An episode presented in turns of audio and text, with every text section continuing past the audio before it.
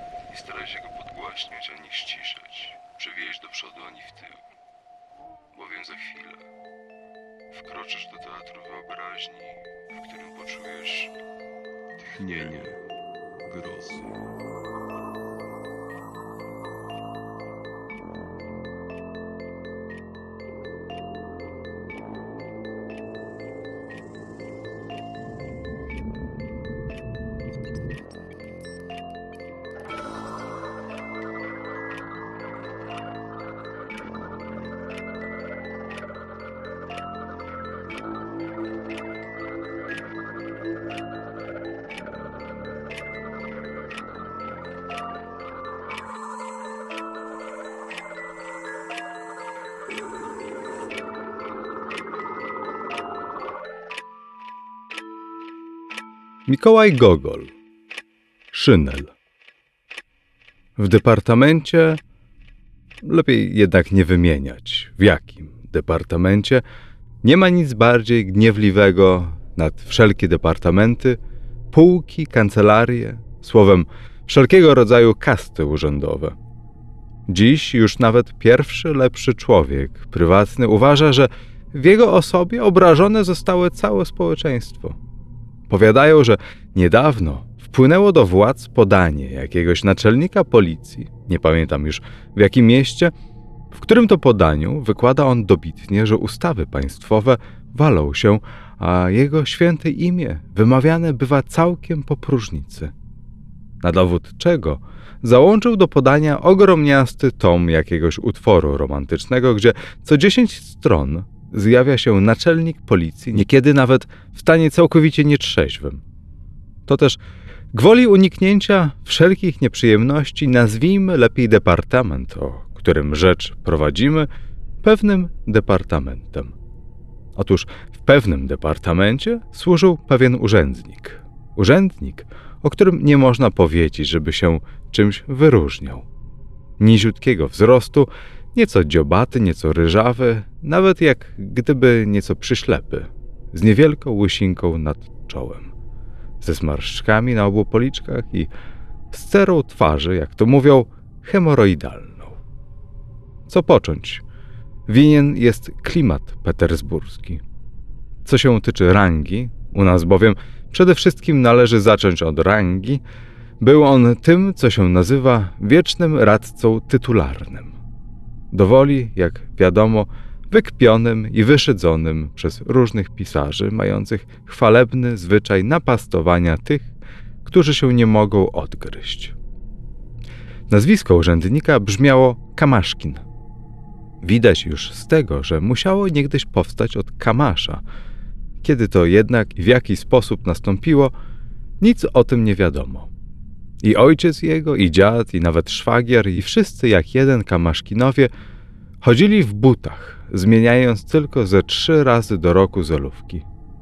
Na imię miał Akakiusz. Być może wyda się ono czytelnikowi nieco dziwne i wyszukane. Wolno jednakże zapewnić, że nie szukano go nigdzie, natomiast złożyły się tak same przez się okoliczności, że żadną miarą nie można mu było dać innego imienia. A stało się to mianowicie tak. Urodził się Akakiusz Kamaszkin jakoś na noc, o ile nas pamięć nie myli, z 20 na 23 marca. Nieboszczka matka jego, również żona urzędnika i bardzo poczciwa kobieta, postanowiła ochrzcić dziecko jak przystoi. Leżała jeszcze w łóżku na wprost drzwi, a po prawej jej ręce stał kum, zacności człowiek Iwan Iwanowicz Jeroszkin, referent z Senatu oraz kuma żona naczelnika cyrkułu, niewiasta rzadkich cnót, Arina Siemionowna Białobriuszkowa.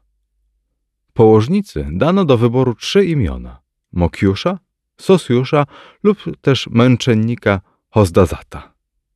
Nie, pomyślała nieboszczka. Imiona wszystkie jakieś takie, żeby jej dogodzić. Otwarto kalendarz w innym miejscu. wypadły znowu trzy imiona. Tryfiliusz, Duliusz i Barachasjusz. A to skaranie boskie, powiedziała nieboszczka. Co za imiona? Doprawdy, nigdy w życiu nie słyszałam takich. Niechby jeszcze Baradat albo Baruch, ale Tryfiliusz? Barachasjusz? Odwrócono jeszcze kartę. Wypadł Pauzykachiusz i Bachtysjusz. Widzę, rzekła nieboszczka, że taki już jego los. A jeżeli tak, niech się lepiej nazywa tak samo jak ojciec. Ojciec Akakiusz, niech i syn będzie Akakiusz. W taki sposób powstał Akakiusz, Akakiuszowicz, Kamaszkin. Dziecko chrzczono. Przy chrzcie tak zapłakało i zrobiło grymas, jak gdyby przeczuwało, że będzie z niego radca tytularny.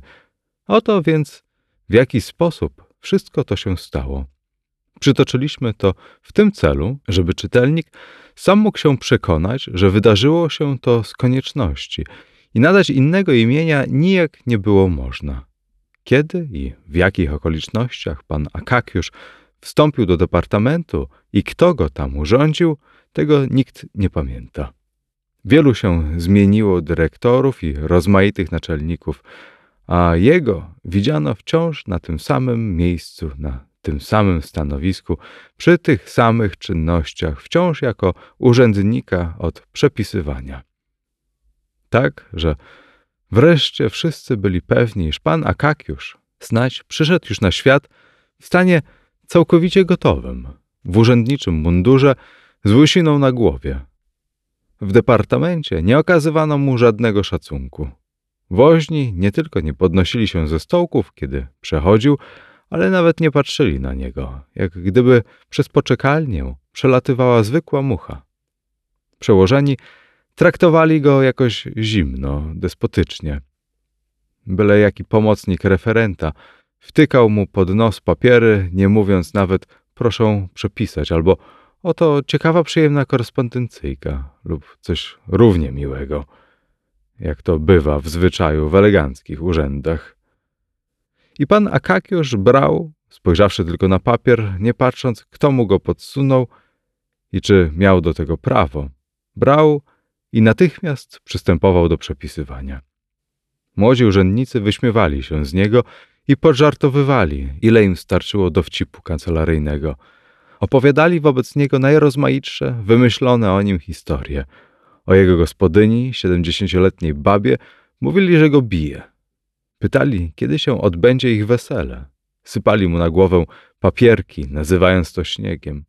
Ale pan Akakiusz nie odpowiadał na to ani słówkiem, jak gdyby w ogóle nikogo przy nim nie było. Nie miało to nawet wpływu na jego pracę. Wśród wszystkich tych dokuczliwości nie robił ani jednego błędu w pisaniu. Dopiero gdy figiel był już całkiem nie do zniesienia, gdy trącano go w łokieć, przeszkadzając w pisaniu, szeptał: Przestańcie, czemu mnie krzywdzicie? I coś dziwnego brzmiało w jego słowach i w głosie, jakim je wypowiadał. Dawało się w nim słyszeć coś takiego, co budziło litość. Także pewien młodzieniec, od niedawna urzędujący, który za przykładem innych pozwolił sobie na drwiny z niego, stanął nagle jak przyszyty i od tej chwili wszystko jak gdyby przemieniło się dookoła niego, ukazało w innej postaci. Jakaś siła nadprzyrodzona odepchnęła go od kolegów, z którymi pozawierał był znajomości, biorąc ich za przyzwoitych, dobrze wychowanych ludzi. I nieraz potem, w chwilach najweselszych, stawał mu w oczach niziutki urzędnik z łysinką nad czołem i młodzieniec słyszał jego przejmujące słowa. Przestańcie. Czemu mnie krzywdzicie? A w tych słowach przejmujących pobrzmiewały inne słowa.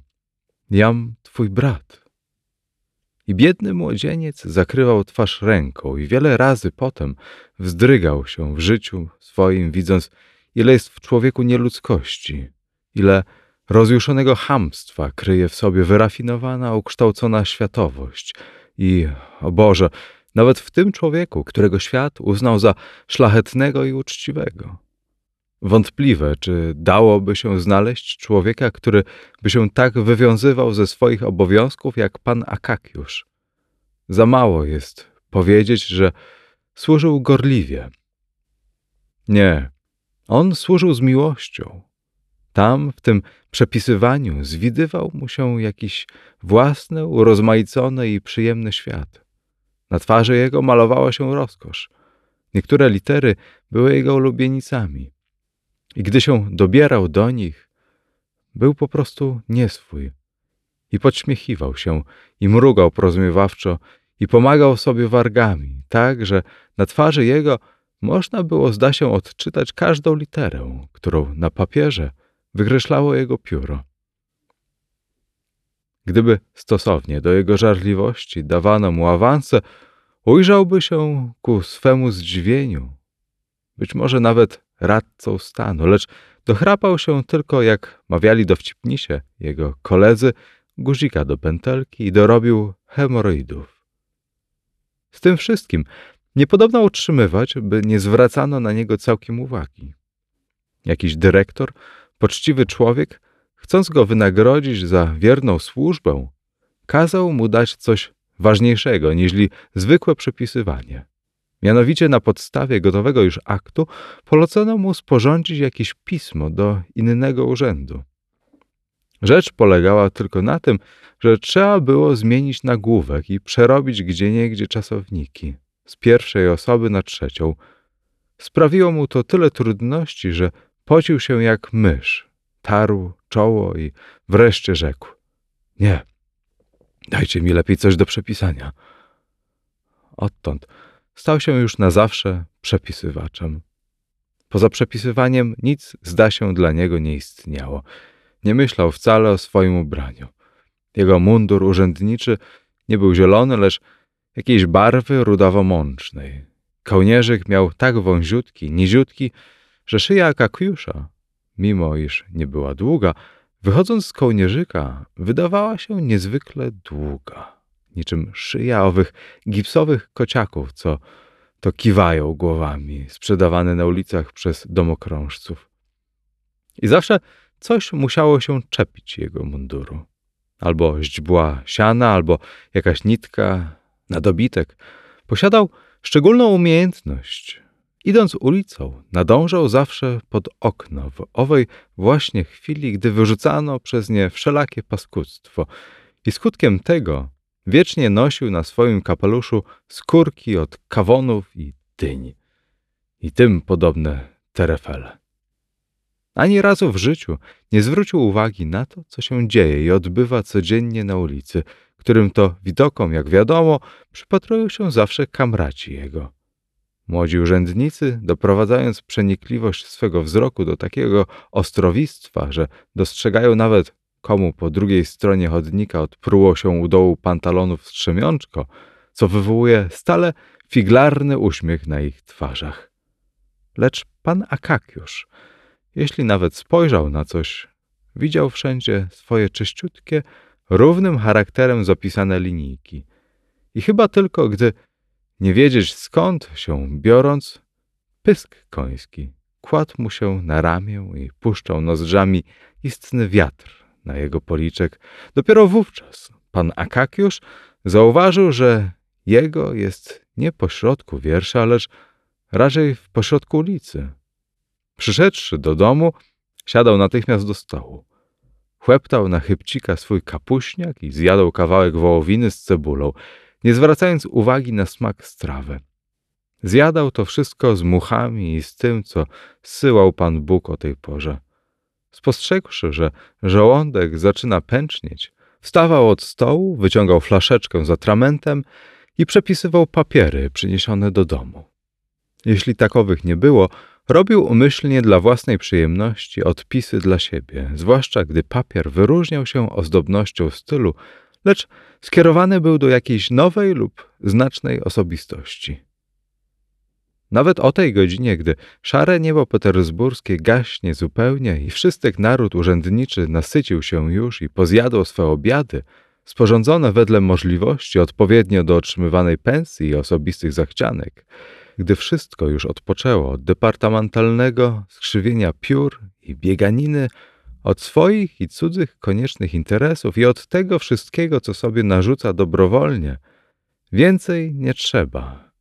Krzątając się bezustannie człowiek, gdy urzędnicy śpieszą się, by poświęcić resztę czasu przyjemnościom, kto śmielszy, ten mknie do teatru, kto inny na ulicę, przeznaczając swój czas na przyglądanie się jakimś kobietkom. Inny spędza go na wieczorku, prawiąc dusery jakiejś przylepeczce, gwiazdce małego świadka urzędniczego. Inny wreszcie, i to zdarza się najczęściej, idzie wprost do swego kamrata na trzecie czy drugie piętro. Do dwóch niedużych pokoików z przedpokojem albo z kuchnią i z pretensjami do ostatniej mody, z lampą albo z innym gracikiem zdobytym za cenę wielu wyrzeczeń, odmawiania sobie obiadów i rozrywek.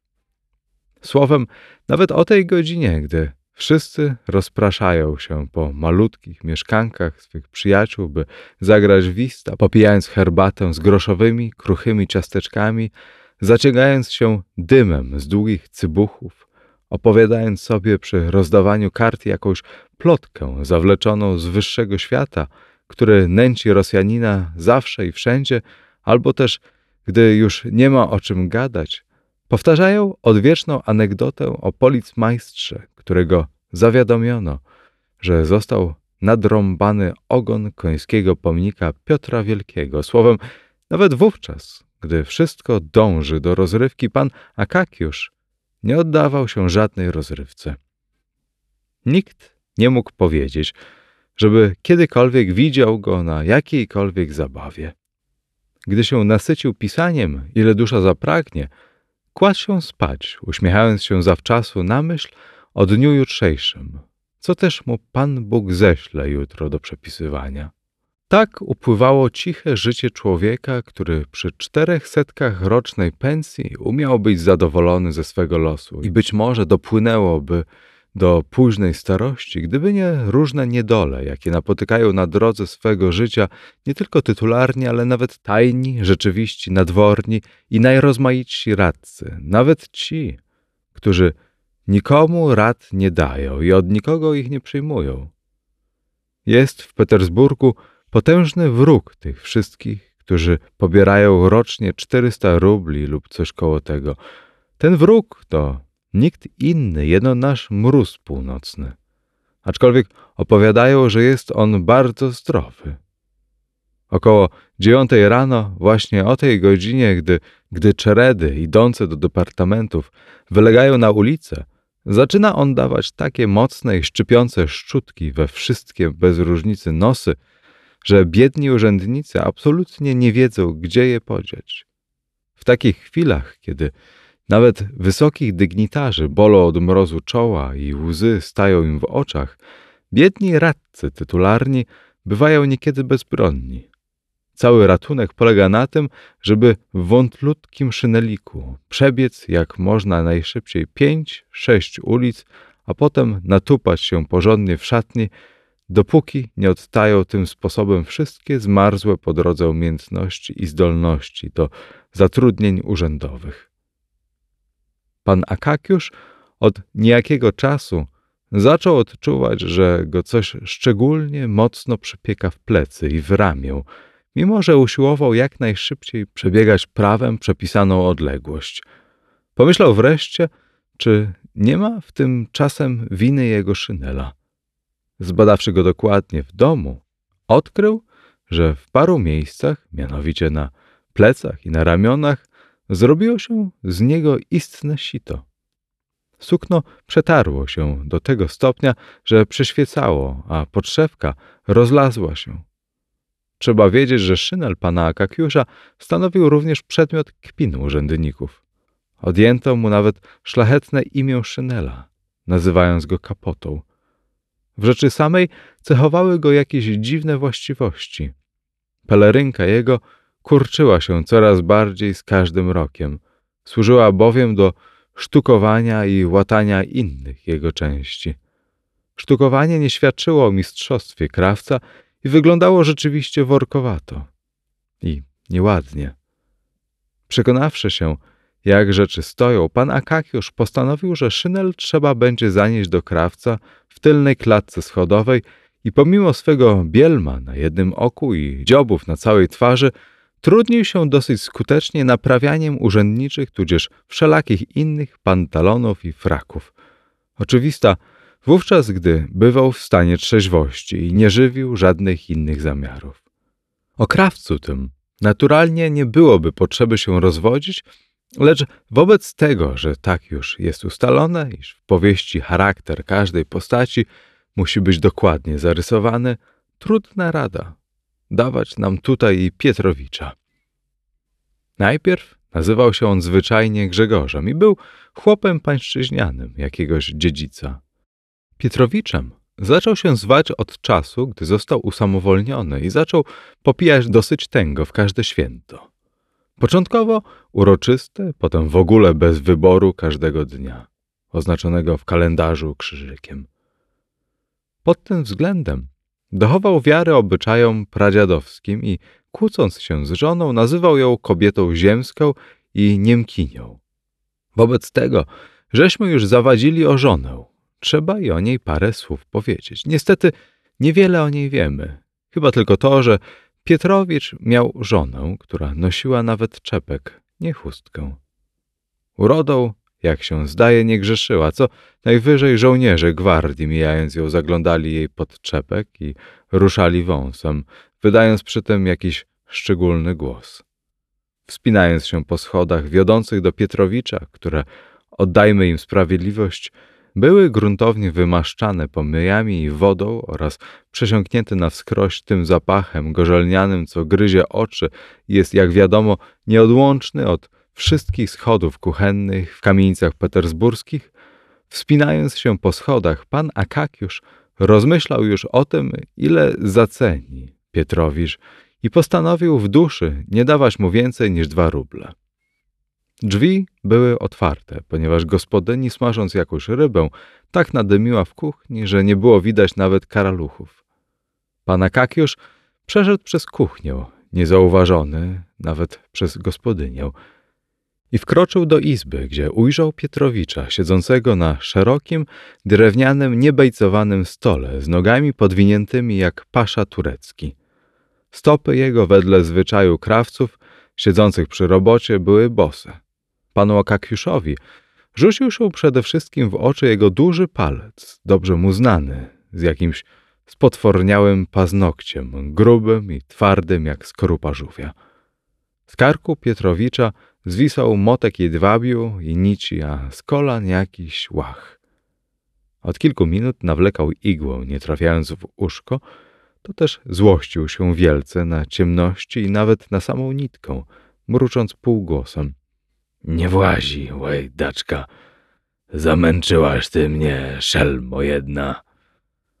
Panu Okakiuszowi zrobiło się markotno, że przyszedł właśnie w tej chwili, gdy Pietrowicz się złościł – Lubił bowiem czynić u niego zamówienia, wówczas, kiedy Pietrowicz miał nieco w czubie, albo, jak się wyrażała jego żona, ochwacił się siwuchą ciort jednooki.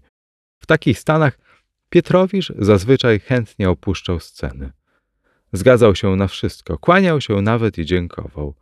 Potem, co prawda, przychodziła żona z biadoleniem, że mąż niby był pijany i dlatego podjął się tak tanio, ale dorzuci się, bywało, dziesiątkę i pokrzyku.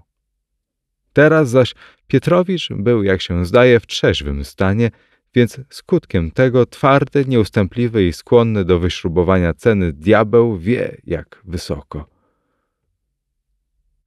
Pan Akakiusz zmiarkował to od razu i chciał, jak to się mówi, dać drapaka, ale początek był już zrobiony. Pietrowicz przymrużył na niego badawczo swoje zdrowe oko, więc Akakiusz wyszeptał mimo woli. Jak się masz, Pietrowicz? Powitać pana dobrodzieja, rzekł Pietrowicz i wywrócił swe oko na ręce pana Akakiusza, chcąc wypatrzeć, jakiego rodzaju przynosi on zdobycz. A jak tu do ciebie, Pietrowicz, tego... Trzeba wiedzieć, że pan Akakiusz Wysławiał się przeważnie za pomocą przyimków, przysłówków i takich wreszcie cząstek wyrazowych, które absolutnie nie mają żadnego znaczenia. Gdy zaś rzecz nastręczała szczególnie trudności, Miał zwyczaj w ogóle nie kończyć zdania, to też bardzo często zaczynał przemówienia od słów to doprawdy zupełnie tego, a potem już nic nie dodawał, zapominając wątku i mniemając, że powiedział już wszystko. Cóż takiego? zapytał Pietrowicz, lustrując jednocześnie swym zdrowym okiem mundur pana Kakiusza, poczynając od kołnierza aż po rękawy, plecy, fałdę i pętelki. Wszystko bowiem było mu dobrze znane, jako że stanowiło dzieło rąk jego. Taki już zwyczaj mają krawcy. Pierwsza rzecz muszą klienta obejrzeć. A ja, otóż tego, ten Pietrowicz e, Szynel właśnie, sukno, sam widzisz, wszędzie zupełnie mocne, troszkę się zakurzyło i wygląda jak gdyby stare, e, a jest nowe, tylko w jednym miejscu troszkę tego na plecach. I tego na jednym ramieniu trochę się przetarło i na tym też troszeczkę. Widzisz? To wszystko. I robotę niewiele.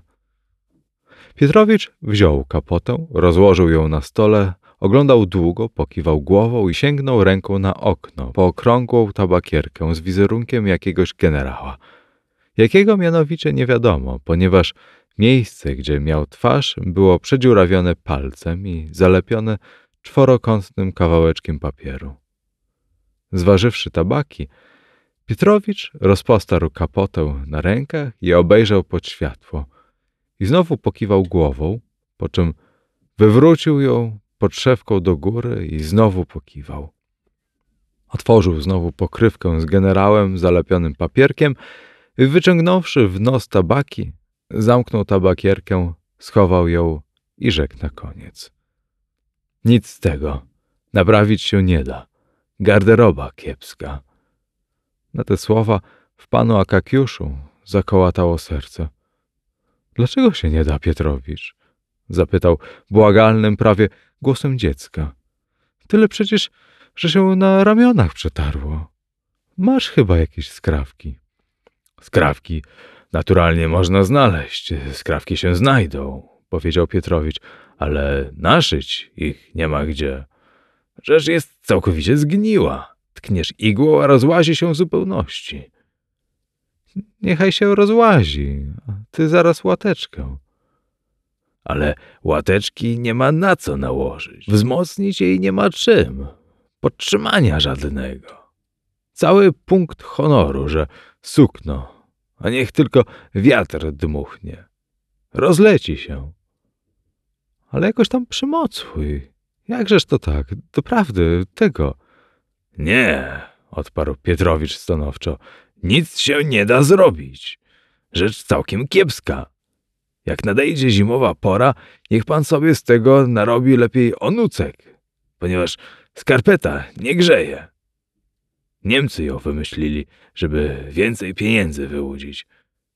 Pietrowicz lubił przy tym sposobności dociąć Niemcom. A względem Szynela wygląda na to, że trzeba będzie sobie nowy sprawić. Na słowo nowy panu Akakiuszowi zaćmiło się w oczach i wszystko, co było w izbie, zakołowało przed nim. Widział wyraźnie tylko generała z zalepioną papierkiem twarzą na wieczku tabakiery Pietrowicza. Jak to nowy? zapytał jak we śnie. Nie mam przecież na to pieniędzy. Tak jest, nowy, odrzekł z szatańskim spokojem Pietrowicz.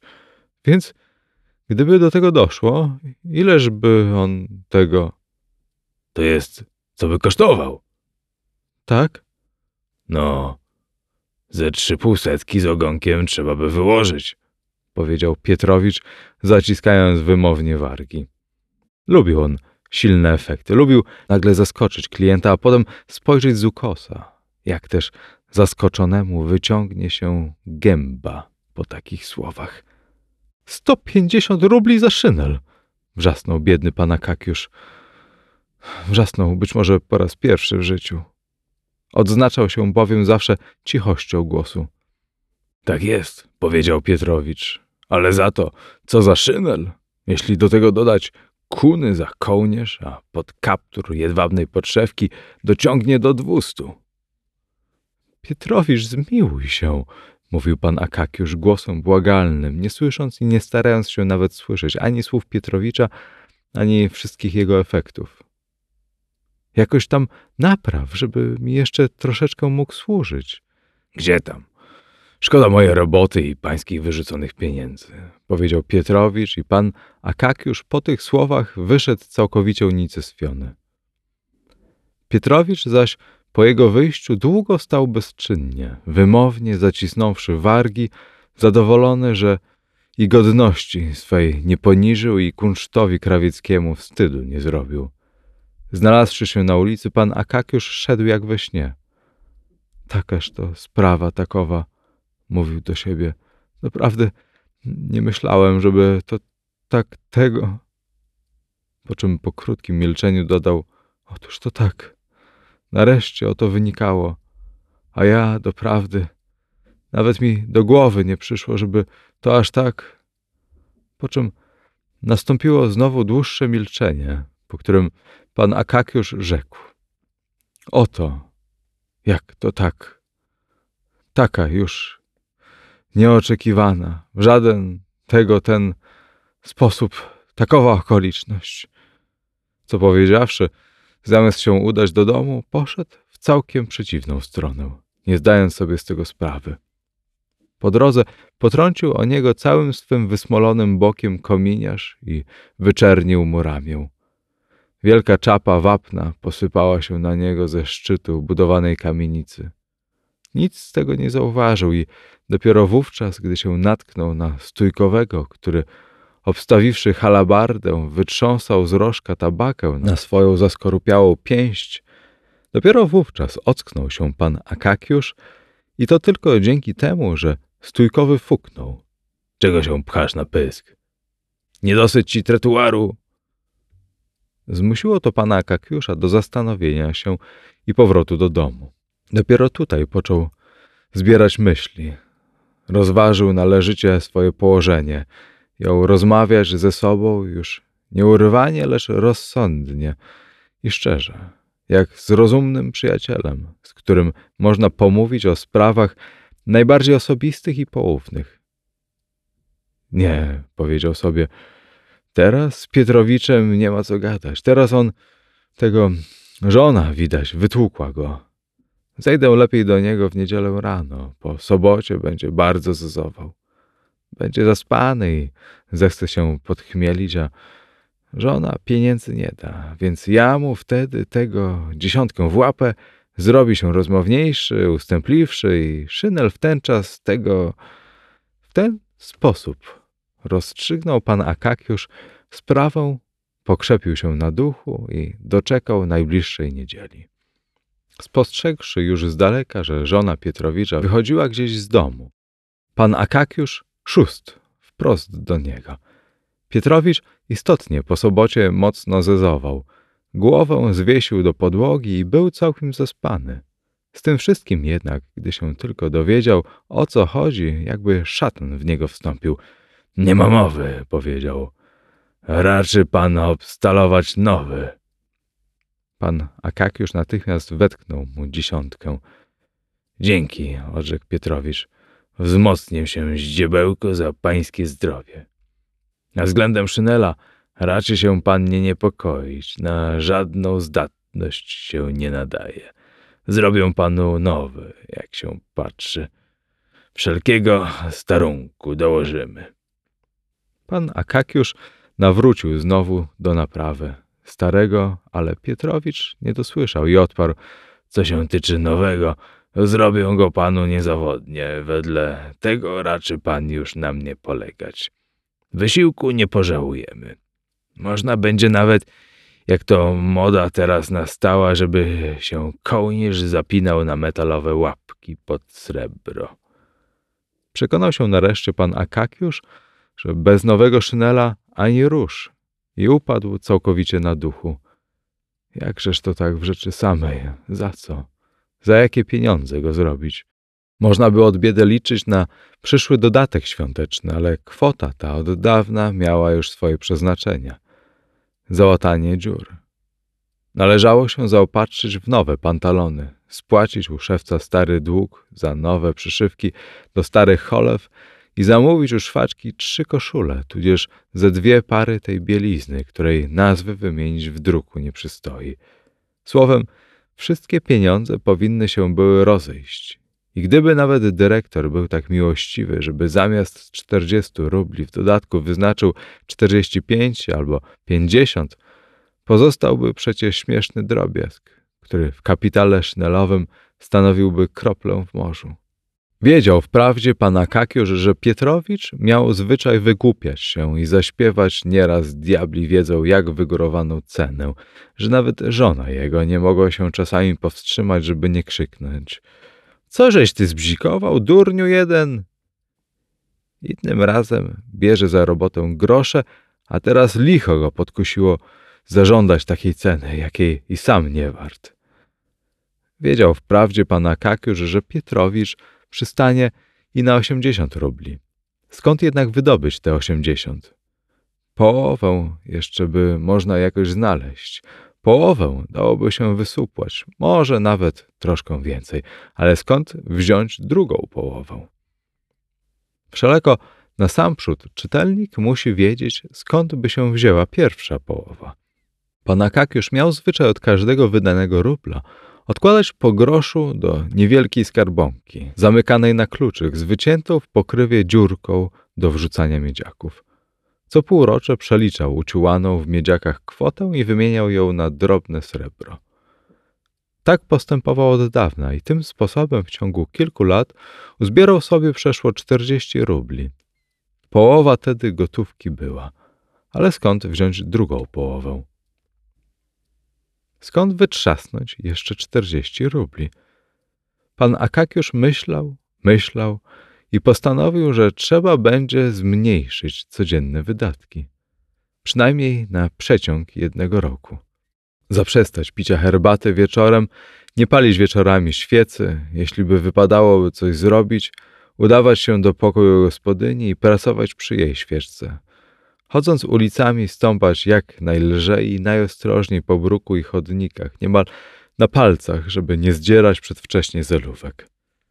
Jak najrzadziej oddawać bieliznę do prania, żeby zaś jej nie zapuścić za każdym razem po przyjściu do domu, zdejmować ją i zostawać tylko w szlafroku bawełnianym, bardzo starym i szczędzonym nawet przez czas. Trzeba wyznać prawdę, że początkowo było mu dość trudno naginać się do takich ograniczeń, lecz stopniowo się przyzwyczaił i wszystko jakoś się ułożyło. Wdrożył się nawet do zupełnego głodowania wieczorami, lecz za to żywił się duchem, piastując w myśli nieśmiertelną ideę przyszłego Szynela. Odtąd, jak gdyby samo jego istnienie nabrało większej treści jak gdyby się ożenił, jak gdyby był już nie sam, lecz jakaś miła towarzyszka życia zgodziła się odbywać z nim wędrówkę życiową. A towarzyszką tą była myśl o szynelu na grubej wacie, na mocnej podszewce nie do zdarcia. Pan Akakiusz stał się bardziej ożywiony, nabrał nawet jakiejś mocy charakteru, jak człowiek, który już wytknął sobie i zakreślił cel. Jego Oblicze i postępki wyzbyły się same przez się wątpliwości, niezdecydowania. Słowem, wszystkich chwiejnych niewyraźnych cech. Ogień niekiedy iskrzył się w jego oczach. Przez głowę przebiegały najbardziej zuchwałe śmiałe myśli. A nuż rzeczywiście zrobić kołnierz z kuny? Rozmyślania o tym o mało go nie przyprawiły pewnego razu o roztargnienie. Przepisując papier, o mały włos nie zrobił błędu, aż krzyknął niemal głośno ojej i przeżegnał się. Przynajmniej raz na miesiąc odwiedzał Pietrowicza, żeby pogawędzić o szynelu.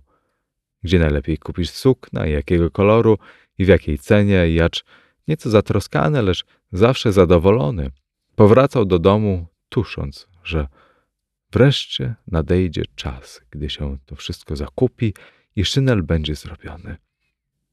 Nadspodziewanie rzecz wzięła szybszy obrót. Wbrew przypuszczeniom pana Kakiusza, dyrektor wyznaczył mu nie czterdzieści czy też 45 rubli, lecz okrągło aż 60. Czy przeczuwał może, że pan Akakiusz potrzebuje szynela, czy samo przez się tak się złożyło?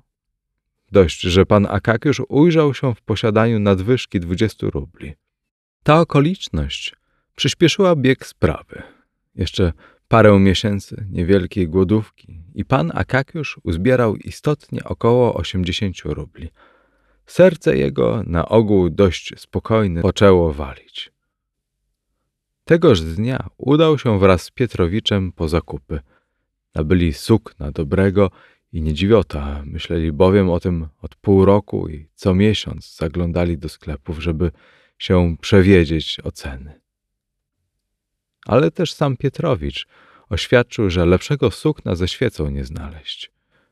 Na podszewkę wybrali grubej satyny, ale tak ścisłej i w tak dobrym gatunku, że zdaniem Pietrowicza lepsza była od jedwabiu i nawet z wyglądu okazalsza i bardziej połyskliwa.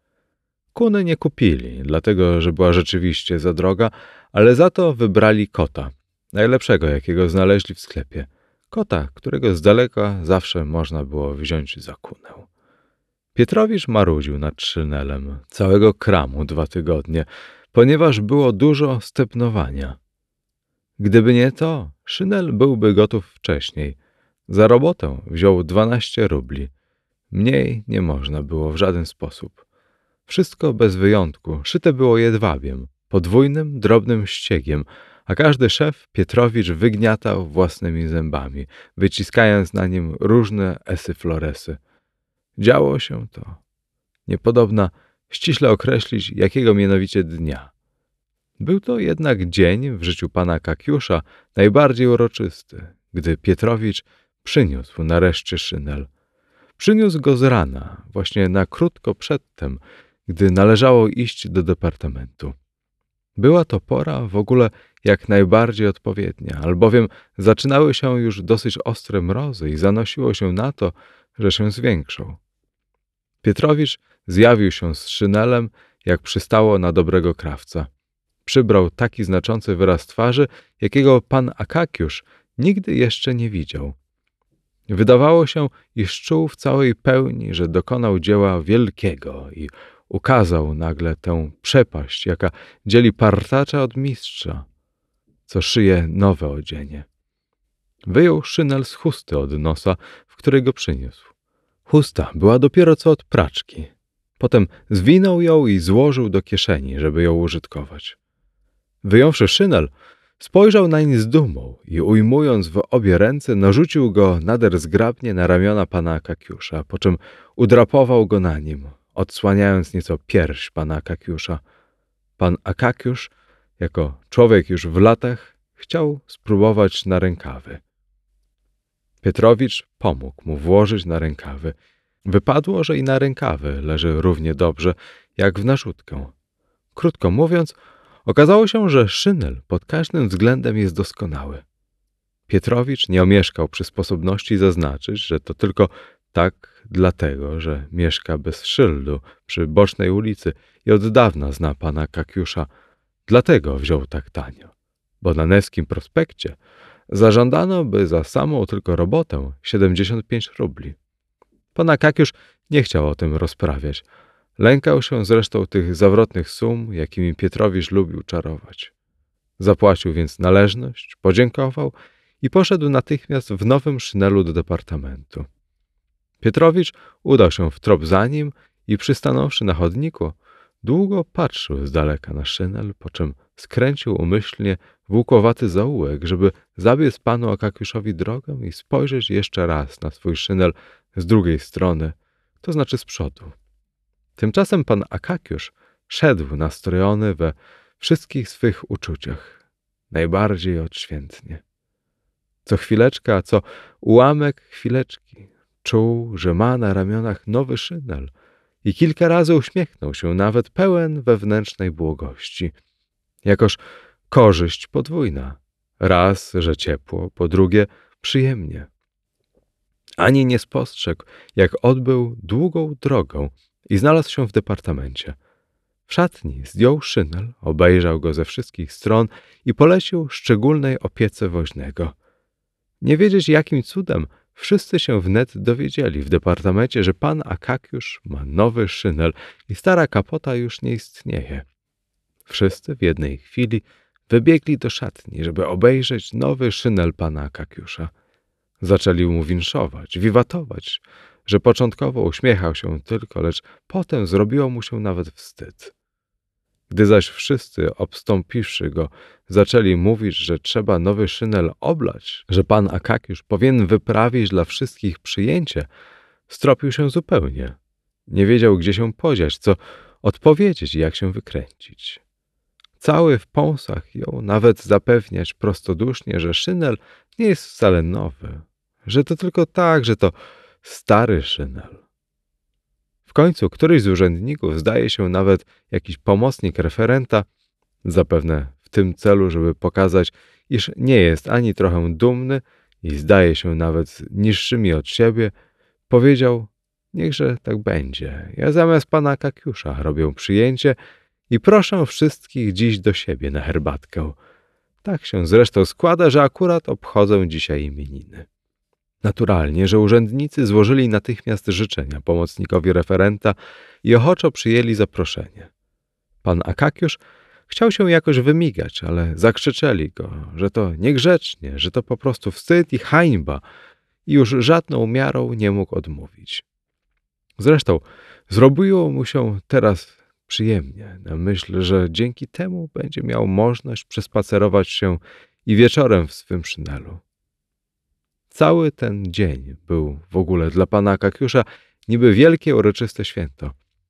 Wrócił do domu w różowym humorze. Zdjął szynel i powiesił go troskliwie na ścianie, napawając się raz jeszcze widokiem sukna i podszewki, po czym umyślnie wyciągnął dla porównania swoją kapotę, która się rozłaziła doszczętnie. Spojrzał na nią i nawet się roześmiał.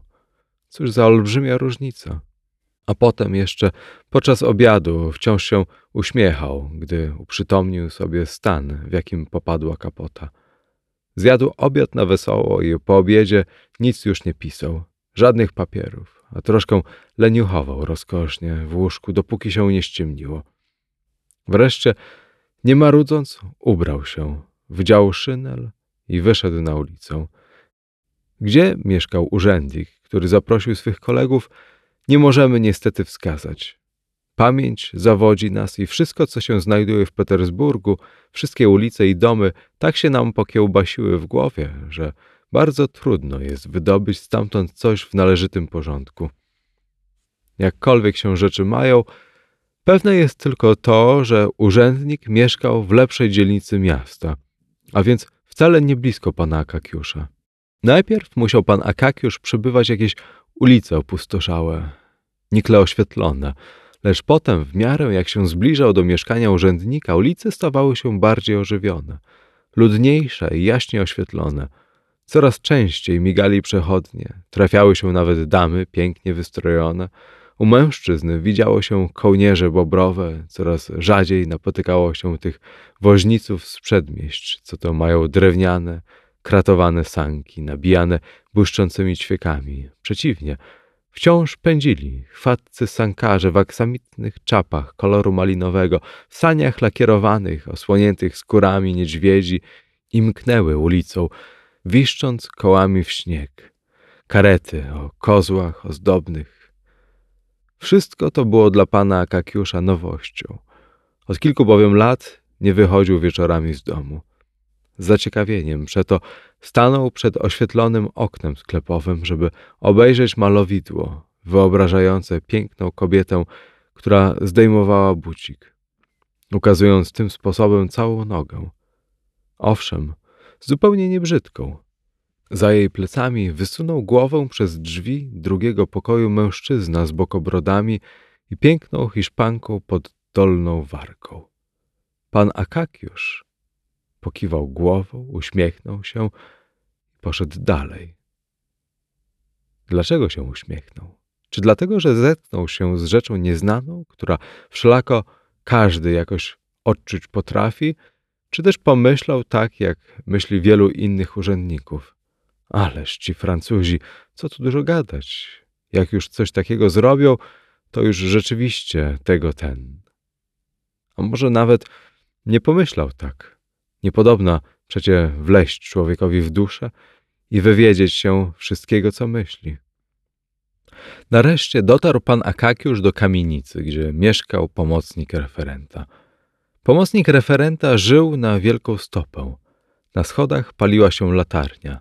Mieszkanie było na pierwszym piętrze. Wszedłszy do przedpokoju, pan Akakiusz zobaczył na podłodze szeregi kaloszy. Pomiędzy nimi na środku stał samowar, sycząc i puszczając kłęby pary. Na ścianach wisiały szynele i płaszcze. Niektóre z nich miały nawet kołnierze bobrowe albo aksamitne klapy. Za ścianą słychać było hałas i gwar, który raptem stał się wyraźny i dźwięczny.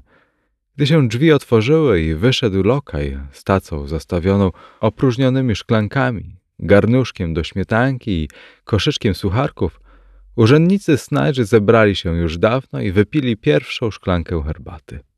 Pan Akakiusz Powiesił własnoręcznie swój szynel, wszedł do pokoju w jednym mgnieniu zamajaczyli przed nim urzędnicy. Fajki, świece, zielone stoliki, a uszu jego mętnie dobiegała urywana ze wszystkich stron brzmiąca rozmowa oraz łoskot przesuwanych krzeseł. Zatrzymał się niezdarnie na środku pokoju, usiłując pomyśleć o tym, co ma zrobić. Lecz już go zauważono, przyjęto okrzykami i wszyscy udali się natychmiast do przedpokoju, żeby obejrzeć znowu jego szynel. Pan Akakiusz zawstydził się poniekąd, ale jako człowiek szczerego serca nie mógł się nie cieszyć, widząc jak wszyscy chwalą szynel. Wkrótce, ma się rozumieć, wszyscy porzucili jego i szynel i zwrócili się jak trzeba ku stolikom przeznaczonym do wista. Wszystko to, Hałas, rozgwar i ciżba, wszystko to wydawało się jakoś dziwaczne panu Akakiuszowi. Nie wiedział po prostu, jak się zachować, gdzie podziać ręce, nogi i całą swą postać. W końcu przysiadł się do graczów. Zaglądał w karty, patrzył jednemu po drugim w twarzy i po pewnym czasie zaczął ziewać, czując nudę, zwłaszcza, że Dawno już minęła pora, kiedy wedle zwyczaju kładł się spać. Chciał się nawet pożegnać z gospodarzem, ale go nie puszczono, mówiąc, że trzeba będzie koniecznie z powodu nowego nabytku wychylić kielich szampana. Po godzinie podano kolację złożoną z winegretu, cielęciny, na zimno, pasztetu, pierożków i szampana. Pana Akakiusza zmuszono do wypicia dwóch kielichów, po których uczuł, że w pokoju zrobiło się weselej. Nie mógł wszelako w żaden sposób zapomnieć, że już dwunasta i od dawna czas do domu. Żeby gospodarzowi nie strzeliło do głowy zatrzymywać go, wymknął się ukradkiem z pokoju, odszukał w przedpokoju swój szynel, stwierdził nie bez żalu, że się poniewiera na podłodze, otrzepał go, zdjął z niego najdrobniejszy pyłek, włożył na siebie i zszedł po schodach na ulicę. Ulice były jeszcze oświetlone. Tu i ówdzie malutkie kramiki, owe stałe kluby pospólstwa i wszelkiej czeladzi były otwarte. Inne, acz zamknięte, z których sączyły się strugi światła poprzez długie szczeliny w drzwiach, dawały do poznania, że i one nie są pozbawione towarzystwa, że dziewki służebne i słudzy kończą tu jeszcze swoje rajcowanie, pogrążając swych chlebodawców w pełną zdumienia niewiedzą co do miejsca swego pobytu. Pan Akakiusz kroczył w najprzyjemniejszym nastroju. Pobiegł nawet niespodziewanie i nie wiedzieć czemu za jakąś damą, która minęła go jak błyskawica, a której każda część ciała wibrowała niezwykłym ruchem. Jednakże zatrzymał się natychmiast i poszedł dalej znowu spokojniutko, dziwiąc się sam, skąd mu się nagle zebrało na taki truchcik. Wkrótce zaczęły się ciągnąć owe ulice pustynne, które nawet w dzień są niewesołe. Cóż dopiero wieczorem. Teraz stały się jeszcze bardziej głuche i odludne. Latarnie migotały coraz rzadziej. Widocznie wydzielono mało oliwy. Ukazały się rzędy drewnianych domostw i płoty, ani żywej duszy dookoła. Skrzył się tylko śnieg na ulicach i czerniały posępnie, śpiące z zamkniętymi okienicami, niziutkie lepianki. Pan Akakiusz doszedł do miejsca, gdzie ulicą przecina olbrzymi plac z ledwie widniejącymi po jego drugiej stronie domami. Plac, który zionął straszliwą pustką. Daleko, Bóg wie gdzie, mrugało światełko w jakiejś budce, stojącej, zda się, na końcu świata. Wesołość poczęła jakoś opuszczać pana Akakiusza. Wstąpił na plac nie bez mimowolnego lęku, jak gdyby jego serce przeczuwało coś niedobrego. Obejrzał się za siebie i na wszystkie strony. Istne morze dookoła niego. Lepiej nie patrzeć, pomyślał i szedł, zamknąwszy oczy, a kiedy je otworzył, żeby sprawdzić, jak daleko do końca placu, zobaczył zaraz przed sobą, przed samym nosem, jakiś ludzi wąsatych. Co za ludzi, tego już nie mógł odróżnić. Mgła przysłoniła mu oczy, w piersiach coś załomotało. Toż to mój szynelik, powiedział jeden z nich głosem grzmiącym, chwytając pana Akakiusza za kołnierz. Pan Akakiusz chciał już krzyknąć gwałtu, rety, gdy drugi przytknął mu do ust pięść, prawie tak wielką jak urzędnicza głowa, mówiąc tylko ano krzyknij. Pan Akakiusz czuł tylko, jak zdjęto z niego szynel, dano mu kopniaka, że padł plackiem na śnieg i nic już więcej nie czuł. Gdy po kilku chwilach oprzytomniał i zerwał się na nogi, nikogo już nie było.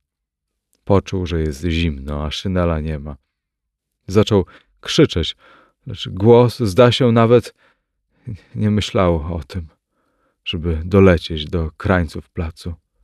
Zrozpaczony, nie przestając krzyczeć, puścił się przez plac wprost na budkę, przy której stał stójkowy i oparszy się o swoją halabardę, patrzył, jak się zdaje z ciekawością, chcąc wybadać, po kiego diabła pędzi do niego z wrzaskiem człowiek.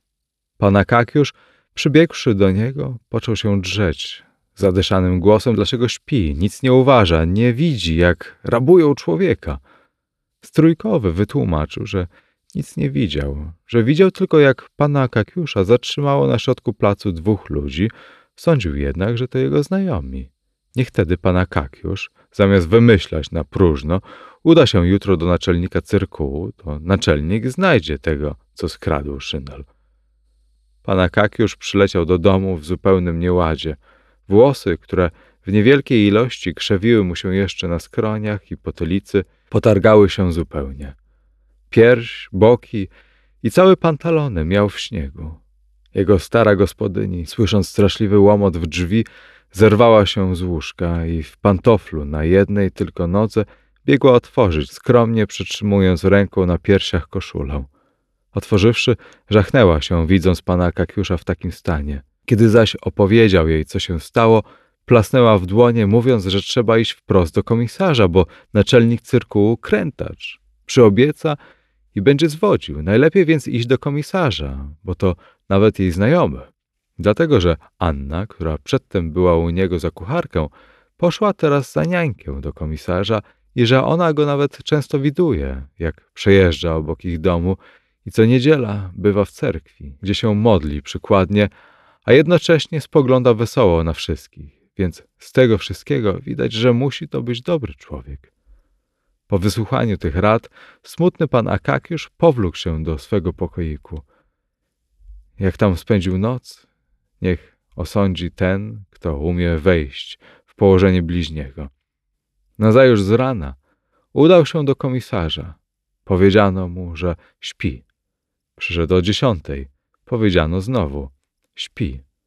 Przyszedł o jedenastej. Powiedziano, nie ma komisarza w domu. Przyszedł w porze obiadowej, ale kanceliści w poczekalni nie chcieli go żadną miarą wpuścić, chcąc się koniecznie dowiedzieć, po co przychodzi, w jakiej sprawie, co go sprowadza i co się stało. W końcu pan Akakiusz po raz pierwszy w życiu objawił stanowczość i powiedział wręcz, że musi widzieć osobiście komisarza, że kanceliści nie mają prawa go nie dopuszczać, że przyszedł z departamentu w sprawie urzędowej i że jak się na nich poskarży, to dopiero zobaczą. Temu kanceliści nie ośmielili się już opierać i jeden z nich poszedł zameldować. Wiadomość o zarabowaniu Szynela przyjął komisarz jakoś nadzwyczaj dziwnie. Zamiast zwrócić uwagę na sedno rzeczy, zaczął wypytywać pana Kakiusza. A dlaczego tak późno wracał do domu? A czy nie wstępował po drodze gdziekolwiek? A może był w jakim nieodpowiednim zakładzie? Pan Akakiusz tak się zmieszał i zawstydził, że wyszedł od niego nie mając ani krzty pewności, czy sprawa Szynela otrzyma należyty bieg. Dnia tego pan Akakiusz nie był w urzędzie. Po raz pierwszy w swym życiu. Na drugi dzień zjawił się blady i w swej starej kapocie, która stała się jeszcze bardziej godna pożałowania. Opowieść o zrabowaniu Szynela, acz znaleźli się tacy urzędnicy, którzy nie omieszkali tym razem śmiać się z pana Kakiusza, wzruszyła jednak wielu. Postanowiono doraźnie zrobić na niego składkę, ale zebrano jakąś drobnostkę, ponieważ urzędnicy znacznie się przedtem nadszarpnęli, złożywszy się na kupno portretu dyrektora i jakiejś książki zaproponowanej przez naczelnika wydziału, który był przyjacielem jej autora. Zebrana więc kwota okazała się drobiazgiem. Ktoś powodowany współczuciem postanowił przynajmniej pomóc panu Akakiuszowi dobrą radą, tłumacząc mu, żeby nie chodził do naczelnika cyrkułu, dlatego że aczkolwiek może się tam zdarzyć, naczelnik cyrkułu, chcąc zyskać uznanie zwierzchności, odnajdzie jakimś cudem szynel, jednakowoż szynel pozostanie w rękach policji, dopóki pan Akakiusz nie podłoży dowodów prawnych, że jest on jego własnością. Lepiej więc, żeby się pan Akakiusz zwrócił do pewnej znacznej osobistości, że owa znaczna osobistość po skomunikowaniu się z kim należy może wpłynąć na to, by rzecz wzięła obrót pomyślny. Trudna rada. Pan Akakiusz odważył się iść do znacznej osobistości. Jakiego rodzaju była i na czym polegało stanowisko znacznej osobistości, pozostaje to do dziś dnia nieznane. Musimy tylko nadmienić, że znaczna osobistość dopiero od niedawna stała się znaczną osobistością, przedtem zaś była osobistością nieznaczną. Zresztą urząd, jaki ten dygnitarz piastował, nie był poczytywany za znaczny w porównaniu z innymi, bardziej jeszcze znacznymi. Ale zawsze się znajdzie takie grono ludzi, dla których znaczne bywa to, co w oczach innych jest nieznaczne. Co się tyczy naszego dygnitarza, starał on się podnieść swoje znaczenie za pomocą wielu rozmaitych środków. Mianowicie zarządził, żeby niżsi urzędnicy witali go już na schodach, gdy przychodził do pełnienia swych czynności, żeby się nikt nie ośmielał wchodzić wprost do niego, lecz żeby wszystko się odbywało wedle surowych przepisów. Pomocnik referenta miał składać meldunek referentowi, referent zastępcy sekretarza, albo w razie czego samemu sekretarzowi, i żeby już tą drogą sprawa dochodziła do samej osobistości. Tak oto święta Róż zarażona jest naśladownictwem. Każdy podrzeźnia i małpuje swego naczelnika. Powiadają nawet, że jakiś radca tytularny, gdy zrobiono z niego kierownika jakiejś niewielkiej kancelarii, natychmiast wniósł tam przepierzenie, nazwał to gabinetem przyjęć i postawił drzwiczek jakiegoś woźnego w czerwonym kołnierzu ze złotą naszywką, który ujmował za klamkę i otwierał drzwiczki interesantowi, aczkolwiek w gabinecie przyjęć z ledwością mogło się zmieścić zwykłe biurko. Nawyki i zwyczaje znacznej osobistości były skomplikowane. Podstawę surowość. Surowość, surowość i jeszcze raz surowość, mawiał zazwyczaj, patrząc znacząco w twarz temu, do kogo się zwracał. Aczkolwiek doprawdy nie było do tego najmniejszego powodu, ponieważ dziesięciu urzędników, z których się składał cały mechanizm rządzący jego kancelarii, miało i tak należnego stracha. Zoczywszy go z daleka, wszyscy rzucali pracę i czekali w postawie na baczność, dopóki pan naczelnik nie przejdzie przez pokój. Jego powszednia rozmowa z podwładnymi nacechowana była surowością i składała się zazwyczaj z dostojne systemu i majestatyczne, lecz nie tego dygnitarza stanowiła trzech zdań. Jak pan śmiesz? Czy pan wiesz, z kim mówisz? Czy pan rozumiesz, kogo masz przed sobą? Poza tym był to w gruncie rzeczy człowiek dobry, koleżeński i uczynny, ale tytuł ekscelencji zbił go zupełnie z pantałyku. Otrzymawszy go, jakoś się zabłąkał, wykoleił i nie wiedział zgoła, co zrobić ze sobą. Jeśli mu się zdarzyło być w towarzystwie równych sobie, był jeszcze człowiekiem jak należy, porządnym pod niejednym względem, nawet nie głupim. Ale gdy się znalazł w otoczeniu ludzi, choć o jedną rangę niższych, stawał się do niczego. Milczał i budził po prostu litość, tym bardziej, iż są. Czuł, że mógł spędzać z nimi czas nieskończenie milej. Z oczu jego wyglądała nieraz chęć wzięcia udziału w jakiejś zajmującej rozmowie, prowadzonej w jakimś kółku, lecz powstrzymywała go myśl, czy to wypada, czy mu to nie przyniesie ujmy, czy nie za wiele poufałości, czy nie narazi na szwank swojego dostojeństwa. Skutek tych rozważań był taki, że dostojnik pozostawał w stanie mrukliwości, wydając z siebie z rzadka jakieś dźwięki jednozgłoskowe. I zyskał tym sposobem opinię najnudniejszego człowieka. Do tej właśnie znacznej osobistości zgłosił się pan Akakiusz. I zgłosił się bardzo nie w porę, w chwili najmniej przyjaznej dla siebie, acz wielce przyjemnej dla znacznej osobistości.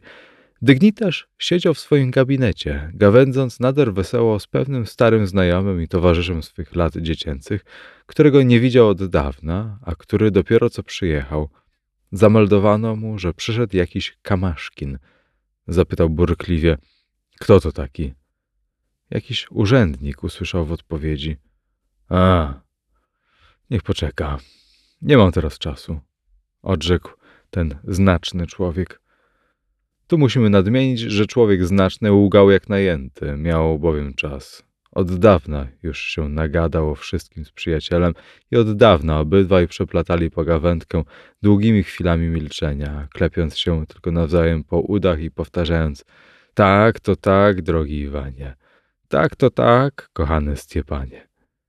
Mimo to dostojnik kazał czekać urzędniczynie, żeby pokazać przyjacielowi, który nie pełni żadnej służby i porastał w tłuszcz na wsi, jak to urzędnicy muszą u niego wyczekiwać długo w przedpokoju. Wreszcie, nagadawszy się, a raczej namilczywszy się do woli i wypaliwszy cygaro, siedząc w miękkim fotelu z wygodnym oparciem, dygnitarz jak gdyby sobie coś raptem przypomniał i rzekł do sekretarza, który stał przy drzwiach z teczką papierów do podpisu. Zdaje się, że tam czeka jakiś urzędnik. Proszę mu powiedzieć, że może wejść. Widząc korną postać pana Kakiusza i jego staruteńki mundur, dygnitarz zwrócił się do niego raptownie. Czego pan sobie życzy? Zapytał tym urywanym i ostrym tonem, którego się umyślnie uczył u siebie w domu, w samotności przed lustrem, już na tydzień przed otrzymaniem obecnego stanowiska i tytułu ekscelencji. Pan Akakiusz, który już zawczasu poczuł przepisową nieśmiałość, Stropił się jeszcze bardziej, jak umiał, i o ile mu na to pozwoliła łatwość języka, wyjaśnił, dodając częściej niż zazwyczaj partykułę tego, że szynel niby był całkiem nowy, że został obrabowany w sposób nieludzki, zwraca się więc do niego, to jest do ekscelencji, żeby swym wstawiennictwem jakoś tego, żeby się skomunikował z panem nadpolicmajstrem, czy tam z kim innym i odszukał szynel. Ekscelencji, nie wiedzieć czemu, wydało się to wszystko poufałością. Cóż to, łaskawco? zapytał ostro. Nie znasz pan trybu postępowania? Gdzieżeś to pan trafił? Czy pan nie wiesz, jak się załatwia sprawy drogą urzędową?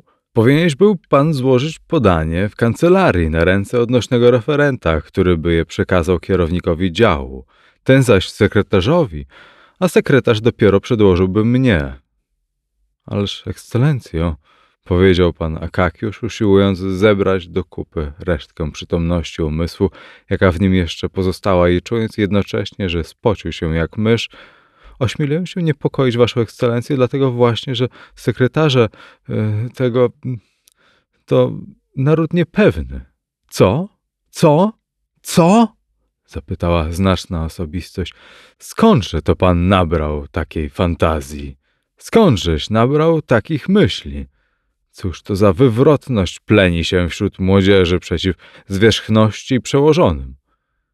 Ekscelencja, jak się zdaje, nie zauważył, że pan Akakiusz przekroczył już pięćdziesiątką i wobec tego, jeśli go nawet można było nazwać młodzieńcem, to chyba tylko stosunkowo, to znaczy tylko w stosunku do tego, kto miał lat siedemdziesiąt. Czy pan wiesz, z kim mówisz? Czy pan rozumiesz, kogo masz przed sobą? Czy pan to rozumiesz? Rozumiesz pan? Pytam ja pana. Tutaj dygnitarz tupnął nogą, wznosząc głos do tak mocnej intonacji, że zrobiłoby się straszno nawet i nie panu Okakiuszowi, który po prostu zamarł, zachwiał się, zatrząsł się na całym ciele i nie mógł się utrzymać na nogach. Gdyby nie podbiegli doń woźni, klapnąłby na podłogę. Bezwładnego wyniesiono z gabinetu. Dygnitarz zaś zadowolony, że efekt przeszedł nawet oczekiwanie i upojony myślą, iż słowo jego może pozbawić człowieka zmysłów, spojrzał z ukosa na swego przyjaciela, ażeby wybadać, jak on się na to zapatruje. I stwierdził nie bez przyjemności, że przyjaciel znajduje się w stanie zgoła nieokreślonym i nawet sam zaczyna czuć Pietra. W jaki sposób pan Akakiusz zszedł ze schodów i znalazł się na ulicy? Tego nie pamiętał. Nie czuł ani rąk, ani nóg. Nigdy w życiu nie był jeszcze tak zbesztany przez żadnego dygnitarza. Na domiar z innego departamentu. Szedł w zawiei, gwiżdżącej po ulicach, rozdziawiwszy usta, zbaczając z chodników. Wichura zwyczajem petersburskim deła na niego ze wszystkich stron, ze wszystkich zaułków. W mig nadmuchała mu do gardła zapalenie. Dowlókł się do domu, nie mając sił wykrztusić z siebie ani jednego słowa. Cały napuchnięty, położył się do łóżka. Takie bywają niekiedy skutki należytego zbesztania. Nazajutrz wystąpiła gwałtowna gorączka. Dzięki wspaniałomyślnemu poparciu klimatu petersburskiego choroba rozwinęła się szybciej niż można się było spodziewać. Gdy zjawił się lekarz i pomacał tętno pana Kakiusza, ujrzał się zmuszony przepisać mu tylko okłady, wyłącznie po to, żeby nie pozbawić chorego dobroczynnej pomocy medycznej – Zresztą zapowiedział, że w ciągu półtorej doby, najpóźniej z panem Akakiuszem, będzie bezwarunkowo kaput. Po czym, zwracając się do gospodyni, oświadczył: Wy, babciu, nie traćcie na próżno czasu, obstalujcie zaraz trumnę sosnową, bo na dębową go nie stać. Czy pan Akakiusz słyszał ten fatalny wyrok na siebie? A jeśli słyszał, czy doznał wrażenia wstrząsającego, czy zrobiło mu się żal swego nieszczęsnego życia, nic o tym nie wiadomo, albowiem cały czas leżał w gorączce i majaczył. Zjawy, jedna dziwniejsza od drugiej, ukazywały mu się nieustannie. Temu się zwidywał Pietrowicz, u którego zamawiał szynel z jakimiś potrzaskami na złodziejów zakradających mu się ustawicznie pod łóżko, że wzywał co chwila gospodynię, aby wyciągnęła jednego z nich nawet spod kołdry, to znowu pytał, po co wisi przed nim stara kapota, skoro ma nowy szynel. To mu się uroiło, że stoi przed ekscelencją, wysłuchując należytego besztania i powtarza, ekscelencja wybaczy, ekscelencjo to wreszcie wygadywał takie sprośności, wymawiał tak plugawe słowa, że stara gospodyni żegnała się nawet nigdy dotychczas nie słysząc z ust jego nic podobnego, tym bardziej, że wyrazy owe następowały bezpośrednio po słowie ekscelencja. W końcu mówił już zupełnie od rzeczy, że nic nie można było zrozumieć. Widać tylko było, że jego słowa bezładne i myśli obracają się wciąż dokoła szynela. Wreszcie Biedny pan Akakiusz wyzionął ducha. Ani spokoju, ani rzeczy jego nie opieczętowano, albowiem po pierwsze nie było spadkobierców, po wtóre spadek pozostał całkiem nieznaczny, a mianowicie pęczek piór gęsich, libra, białego papieru skarbowego, trzy pary skarpetek, kilka guzików od pantalonów i znana już czytelnikowi kapota. Komu to wszystko przypadło, Bóg raczy wiedzieć. Autor niniejszej opowieści wyznaje, że nawet się tym nie zainteresował. Pana Akakiusza pogrzebano i Petersburg pozostał bez pana Akakiusza. jak gdyby go tam w ogóle nigdy nie bywało. Zniknęła i skryła się istota, którą się nikt nie zajmował, nikt jej nie brał w obronę, nikt nie kochał, która nie zwróciła nawet na siebie uwagi przyrodnika, co to nie przepuści zwykłej muszce, żeby jej nie wetknąć na szpilkę i nie rozpatrzyć pod mikroskopem. Istota, która pokornie zniosła drwiny kancelaryjne i zeszła do grobu, nie dokonawszy żadnego niezwykłego czynu. Wszelako u kresu jego życia, wprawdzie na chwilę tylko, nawiedził ją jednak i opromienił jej biedny schyłek miły gość w postaci szynela, aby wnet potem zwaliło się na nią nieszczęście nie do zniesienia. Tak samo jak spada on na głowy carów i władców świata tego. W kilka dni po śmierci pana Kakiusza przysłano do niego z departamentu woźnego z rozkazem, żeby się zjawił natychmiast. Pan naczelnik go niby wzywa. Ale woźny powrócił z kwitkiem, meldując, że pan Akakiusz nie może już przyjść. Na zapytanie dlaczego, odpowiedział, a tak, bo mu się zmarło. Onegdaj pochowali. Tą drogą departament dowiedział się o śmierci pana Kakiusza i na drugi już dzień na miejscu jego siedział nowy urzędnik, wzrostu znacznie odeń wyższego i kaligrafujący litery pismem nie prostopadłym, lecz daleko bardziej pochyłym i ukośnym.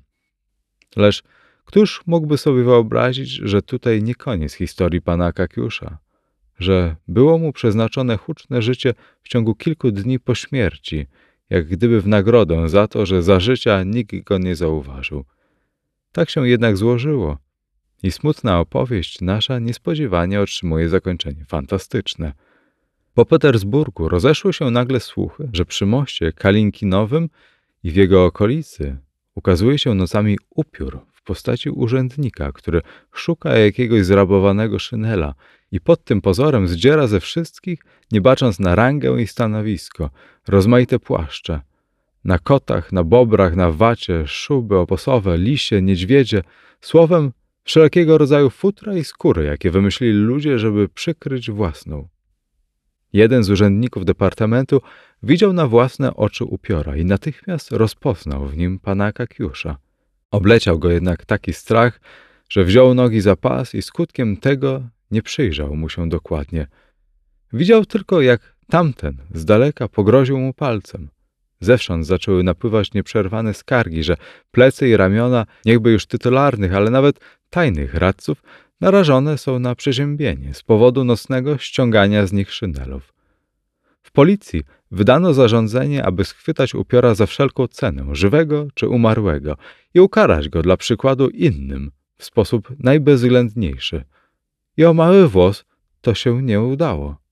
A mianowicie stójkowy, mając posterunek z załuku kirjuszkinowym, złapał już był upiora za kołnierz na gorącym uczynku zdzierania palta syberynowego z jakiegoś wysłużonego muzykanta, który w swoim czasie grywał na flecie.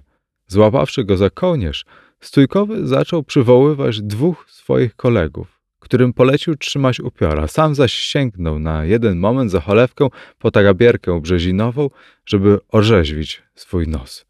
Sześciokrotnie w życiu odmrażany. Lecz widocznie tabaka była takiej mocy, że nie mógł jej znieść nawet upiór. Nie zdążył jeszcze stójkowy, zatykając nosem prawe nozdrze, wciągnąć w lewe pół garści, gdy upiór kichnął tak gwałtownie, że zapryskał wszystkim trzem oczy. Zanim podnieśli pięści, żeby je przetrzeć, po upiorze ślad wszelki zaginął. Stójkowi nie byli nawet pewni, czy mieli go rzeczywiście w ręku. Od tej chwili nabawili się takiego strachu przed upiorami, że bali się łapać nawet żywych i z daleka tylko pokrzykiwali: Hej tam, przechodzić, przechodzić! Wobec powyższego upiór urzędnika począł się zjawiać nawet za mostem Kalinkinowym, napędzając wiele strachu wszystkim ludziom bojaźliwym. Wszelako porzuciliśmy całkiem pewną, znaczną osobistość, która w istocie należałoby uznać za przyczynę fantastycznego obrotu, jaki wzięła nasza historia, zresztą najzupełniej prawdziwa. Przede wszystkim w imię sprawiedliwości musimy oznajmić, że pewna znaczna osobistość wkrótce po wyjściu biednego, startego na proch pana Akakiusza uczuła coś w rodzaju żalu. Współczucie nie było obce temu dostojnikowi. Serce jego umiało się zdobyć na szlachetne odruchy, aczkolwiek wysoka ranga bardzo często nie pozwalała się im ujawniać. Zaledwie przyjaciel bawiący przejazdem opuścił jego gabinet, dygnitarz nawet się zamyślił nad biednym panem Akakiuszem. Od tej chwili niemal codziennie stawał mu w oczach blady pan Akakiusz, który nie wytrzymał urzędowego zbesztania. Myśl o nim gryzła dygnitarza tak mocno, że po upływie tygodnia postanowił nawet posłać do niego kancelistę, żeby się dowiedzieć, co tam u niego i czy w rzeczy samej nie można mu jakoś dopomóc. Kiedy więc doniesiono mu, że pan Akakiusz nagle, a niespodziewanie umarł na gorączkę zapalną, wstrząśnięty tą wiadomością dygnitarz uczuł wyrzutu sumienia i nawet na cały dzień stracił humor. Chcąc się nieco rozerwać i otrząsnąć z przykrego wrażenia, udał się wieczorem do jednego ze swych przyjaciół, którego zastał miłe towarzystwo i, co najważniejsza, Wszyscy tam byli prawie w tej samej randze, skutkiem czego mógł się czuć wcale nieskrępowany. Odbiło się to w sposób zdumiewający na jego nastroju. Popuścił sobie cugli, zrobił się rozmowny, uprzejmy, słowem spędził wieczór bardzo przyjemnie. Przy kolacji wypił ze dwie szklanki szampana, który, jak wiadomo, jest środkiem nieźle działającym w sensie rozweselania. Szampan rozbudził w nim popęd – do różnych nadzwyczajności, a mianowicie dygnitarz postanowił nie wracać jeszcze do domu, lecz zajechać do pewnej znajomej damy, pani Karoliny, osoby, jak się zdaje, pochodzenia niemieckiego, z którą łączyły go stosunki całkowicie przyjacielskie. Trzeba nadmienić, że znaczna osobistość był to człowiek niemłody, przykładny małżonek, poważny ojciec rodziny, dwaj synowie, z których jeden już był urzędnikiem i przystojna szesnastoletnia córka, z noskiem nieco zadartym, lecz ładniutkim. Przychodzili co rano całować go w rękę, mówiąc bonjour, papa. Jego małżonka, kobieta jeszcze świeża i nawet nie brzydka, dawała mu najpierw do pocałowania swoją rękę, po czym odwracając ją na drugą stronę, całowała jego rękę. Jednakże dygnitarz, którego domowe czułości rodzinne najzupełniej zadowalały, uznał za stosowne pozostawać jeszcze w zażyłych związkach z przyjaciółką w innej dzielnicy miasta. Przyjaciółka ta nie była bynajmniej ani młodsza, ani ładniejsza od jego żony. Wszelako zagadki takie bywają na świecie i rozwiązywać je nie jest naszą rzeczą. Tak więc dygnitarz, zszedłszy ze schodów, siadł do sanek i rzucił Stangretowi. Do pani Karoliny. Sam zaś, zatuliwszy się błogo w ciepły szynel, pogrążył się w swym rozkosznym nastroju, nad który trudno wymyślić coś bardziej rozkosznego dla Rosjanina. Polega on na tym, że człowiek sam o niczym nie myśli, a tymczasem myślunki same włażą mu do głowy. Jeden przyjemniejszy od drugiego i nie trzeba ani trochę wysiłku, żeby się uganiać za nimi i szukać ich. Pełen zadowolenia dygnitarz przypominał sobie leciutko najweselsze chwile spędzonego wieczoru. Słówka, które pobudzały do śmiechu, dobrane grono. Wiele z nich powtarzał nawet półgłosem, dochodząc do wniosku, że są tak samo śmieszne jak przedtem. Nie dziwiota więc, że się podśmiewał w duszy. Jednakowoż od czasu do czasu przeszkadzał mu gwałtowny wicher, który, wyrwawszy się nagle Bóg wie skąd i nie wiedzieć z jakiego powodu, zacinał go po twarzy. Ciskał w nią grudkami śniegu, napinał jak żagiel pelerynkę szynela, albo też z nienacka, z nienaturalną siłą zarzucał mu ją na głowę, sprawiając tym sposobem okropny kłopot z wygrzebywaniem się z niej. Raptem znaczna osobistość uczuła, że ktoś ją złapał nader mocno za kołnierz. Odwróciwszy się, ujrzała człowieka wzrostu niedużego – starym, znoszonym mundurze i nie bez przerażenia poznał w nim pana Akakiusza.